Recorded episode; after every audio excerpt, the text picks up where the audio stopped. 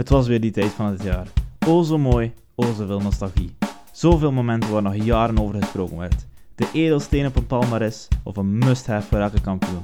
Onder het toeziend oog van een prins ijshockey spelen in je vriezer of fietsen in je badkamer. Het klinkt allemaal even onvoorstelbaar als Formule 1 wagen door de straat van Monaco sturen. De 20 beste van de wereld stonden met trots aan de start, met een opgeblonken o zo sierlijke wagens. Maar alle 20 waren ze zich even bewust dat na de eerste keer Sandevot alle wagens vervangen werden door olifanten in een porseleinwinkel. De Principality, voor de zoveelste keer omgebouwd tot Formule 1 circuit, is voor de zoveelste keer twee keer knipperen als je de eerste wagens ziet scheuren door de straten die o zo geliefd zijn bij de Happy Few, maar ook bij de motorsportliefhebbers. Welkom bij de Simpelweg 1 podcast.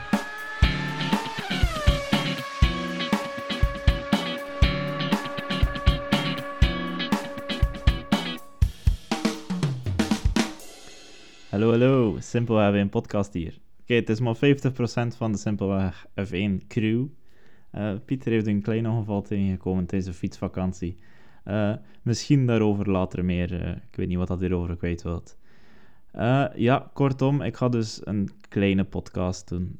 ik ga er niet te lang over lullen tegen mezelf. Het is nogal zielig.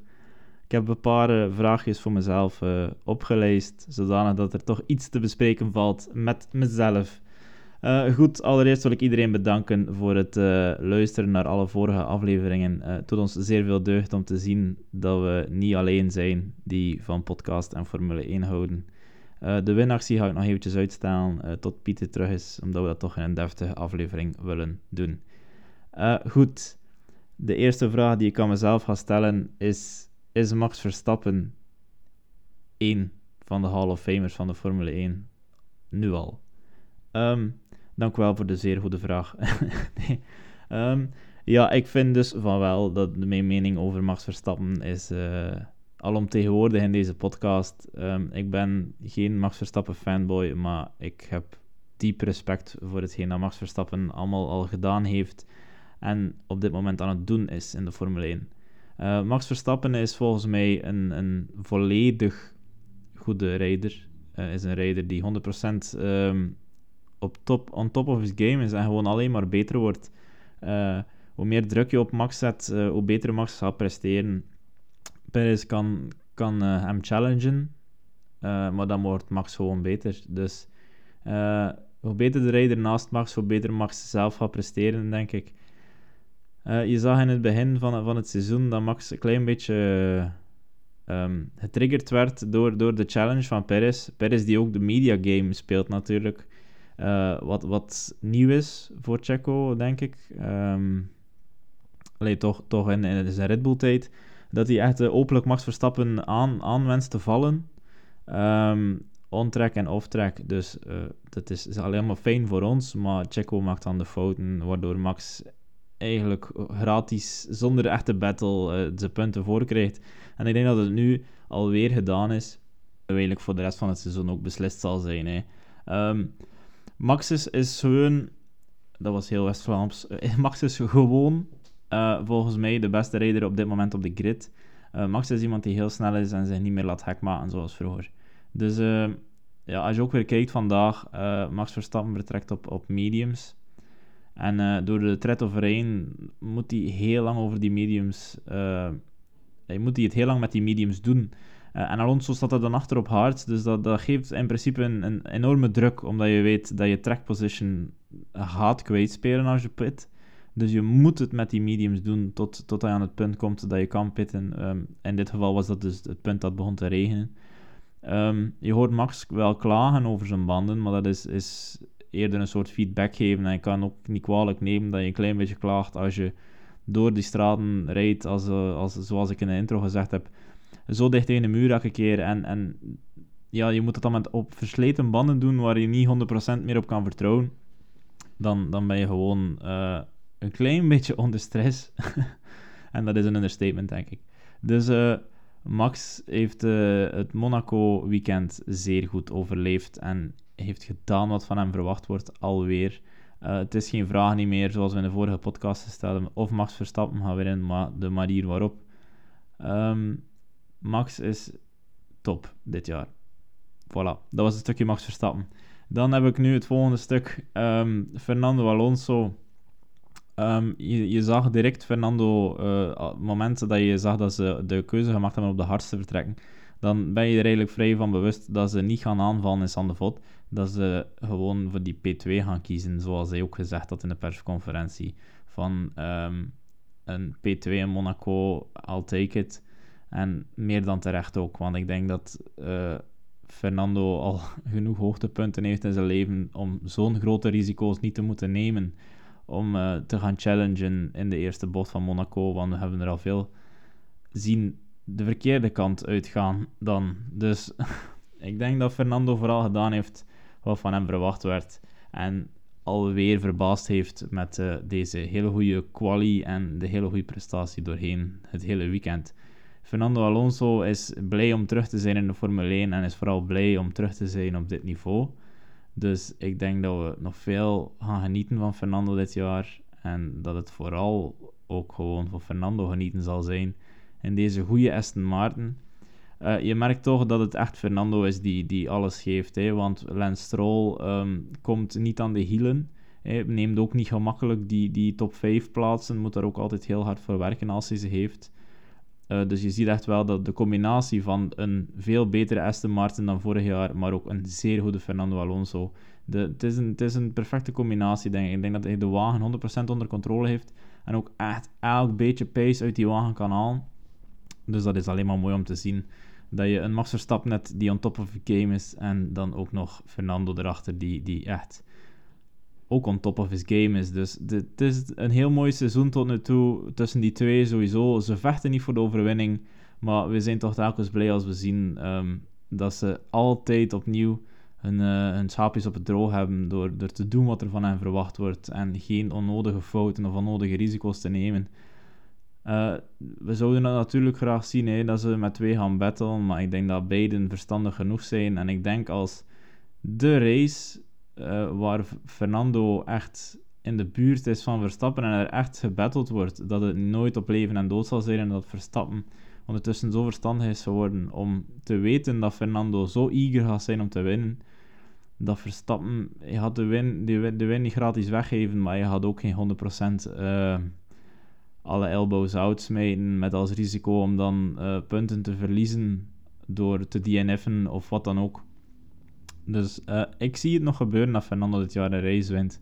Uh, er zal wat, wat hulp bij nodig zijn, of wie weet is de Aston op een bepaalde track zo goed, nog beter dan hij nu al is. Dus we zullen het wel afwachten. Um, dan de volgende vraag die ik hier heb voor mezelf alweer. is uh, Pieter, ik mis je trouwens, maatje. Um, het was fijn geweest om deze race met jou te doen, maar wat bon, je weet zelf. Um, de volgende vraag is: moet Monaco nog op het circuit, uh, moet Monaco nog op de Formule 1-kalender staan? Als je het mij vraagt, en ik vraag het mezelf, moet Monaco op die Formule 1-kalender blijven?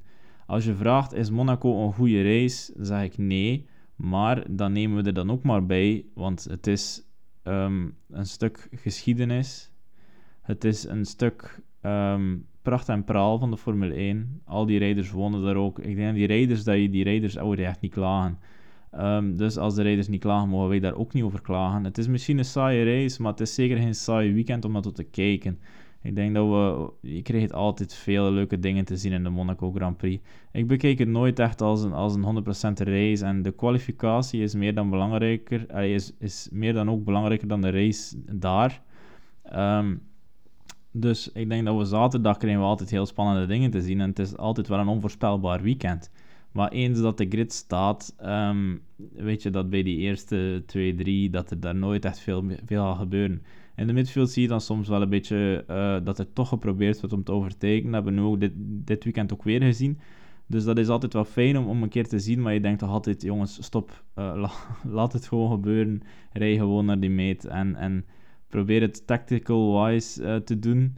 Maar er worden vaak onnodige risico's genomen. Op, op Monaco heb ik de indruk die, die nooit echt benefitten. Um, je zag nu ook, Perez moest, hij moest of wou iets bewijzen. Uh, natuurlijk serieus gefaald in, in de kwalificaties. Uh, ik ga er niet te veel over uitweiden, maar um, ja, hij, hij maakte dus een grote fout in de, in de eerste bocht tijdens Q1, waardoor hij geen tijd zette en echt als laatste moest vertrekken. Ik weet niet, ik heb niet opgezocht of ze ding veranderd hebben aan de wagen. Uh, als in extra parts gestolen en penalties genomen. Ik denk, ik heb er niets van gehoord, dus ik denk het niet. Maar um, Perez heeft dus geprobeerd om dan in de eerste, in de eerste ronde, of de tweede ronde binnen te komen en van de mediums naar de hards te gaan, om daarop uit te rijden. En op die manier, tactical-wise, uh, veel jongens uh, in te halen. Maar dat lukte ook niet echt goed, want hij zat al sneller in het treintje. Waar eigenlijk drie seconden per ronde verloor op de, de wagens die aan de top reden. Dus die race was al snel over en dan zie je Checo toch nog proberen en proberen en proberen. En dan kreeg ik een klein beetje het koud zweet van... je zag uh, hem, hem fouten maken en, de muur ingaan en frontwings kapot rijden. Hij, hij, was echt rond zich heen aan het slagen en eigenlijk dingen aan het doen die, die volgens mij niet meer door de meugel kon. En zeker niet als in wat er nog te rapen viel. Um, dan uiteindelijk begon het nog te regenen ook. En een Monaco in de wet vind ik altijd ook wel fijn om te zien. Uh, het maakt het allemaal nog net iets. Het geeft nog een extra dimensie aan, aan de ervaring. Het is dan ook niet alleen dat wagens achter elkaar, allee, na, na, na achter elkaar rijden in rondjes en dan blijft het spannend. Nee, het is nooit spannend als je Monaco in een droog hebt en iedereen blijft mooi achter elkaar. Maar in de regen voel je toch altijd dat de, dat de rijders echt foutjes maken en dat het nog moeilijker wordt voor hun om gewoon rond te rijden. Dus dat het sowieso challenging wordt en sowieso risky wordt. Uh, dat ze niet comfortabel gewoon kunnen rondrijden achter elkaar. Dus dat, dan, dan krijg je toch een soort spanning als in er gaat iets gebeuren. Maar er is niets gebeurd. We hebben zelf geen safety car gekregen deze, deze Monaco Grand Prix. Dus op zich uh, niets aan de hand. Uh, voor mij mag hij dus blijven staan. Uh, Monaco is een mooi gebeuren. Het is geen mooie race, maar het is een mooi gebeuren. Het is een mooi Formule 1 weekend. Um, met heel veel nostalgie, heel veel historie. En um, dat moet zo blijven, vind ik. ik denk dat die rijders nog altijd super trots zijn als ze de Monaco Grand Prix op hun palmarès mogen zetten. Dus dat moet zo blijven. Ik vind, je moet het ze gunnen om het te doen. En de meesten wonen er ook, dus laat, laat ze gewoon lekker doen. Um, dan denk ik dat ik het hier ga, ga bij ophouden over de Formule 1. Ik, heb, ik ga eventjes kijken hoe lang ik hier bezig ben. Oei, oei. Na 12 minuutjes was het dat al. um, ja, kijk, ik ga toch nog, toch nog eventjes... Uh, gewoon eventjes over de Simpelweg Sports dan gaan. Um, ik ga geen uh, Simpelweg Sports aflevering maken op mijn eentje. Ik wil die eerste wil ik echt wel met Pieter doen. Maar ik wil gewoon um, nog eventjes zeggen dat op YouTube, op de YouTube pagina van Simpelweg Sports, dat is ook die van Simpelweg 1, Simpelweg F1 trouwens, um, staan de afleveringen van Beach Yourself, de eerste twee staan online. Uh, aflevering 0 moeten we nog maken. Dat is eigenlijk een, een kleine podcast uh, of interviewachtige video waarin dat we mijn fiets gaan overlopen wanneer dat, uh, en zo. Dus de gear dat ik heb gekocht, de trainings en de 100% de plannen ook gaan vertellen die, we, die we hebben met, met die Beat Yourself afleveringen. het doel is, is de man van toe oprijden, dat weet iedereen ondertussen al. Dat is ook duidelijk in die video's, maar ook echt de manier waarop en, en de, de, juiste tijd vastzetten en zo, en, en de route, en et cetera, et cetera. Um, Oké, ik denk dat ik nu ga afsluiten voor de Simple F1. Um, het is heel jammer dat we opnieuw geen, geen leuke aflevering kunnen maken. Het is uh, niet zoals gepland. Uh, Pieter heeft er natuurlijk ook niet om gevraagd. Um, het is niet gemakkelijk. Ik wil hem de rust geven, dus ik zeg ik ga zelf een klein afleveringje opnemen. Uh, dus jullie hebben hem toch gehoord. uh, als je meer van ons wil zien, kan je altijd naar onze socials gaan. We hebben ook een TikTok-pagina, we hebben uh, van alles. Dus TikTok, Instagram, YouTube, you know where to find us.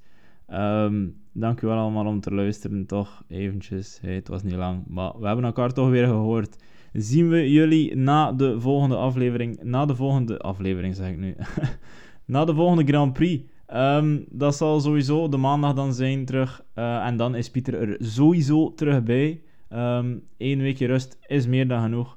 Dus uh, tot na de volgende Grand Prix. Ciao, ciao.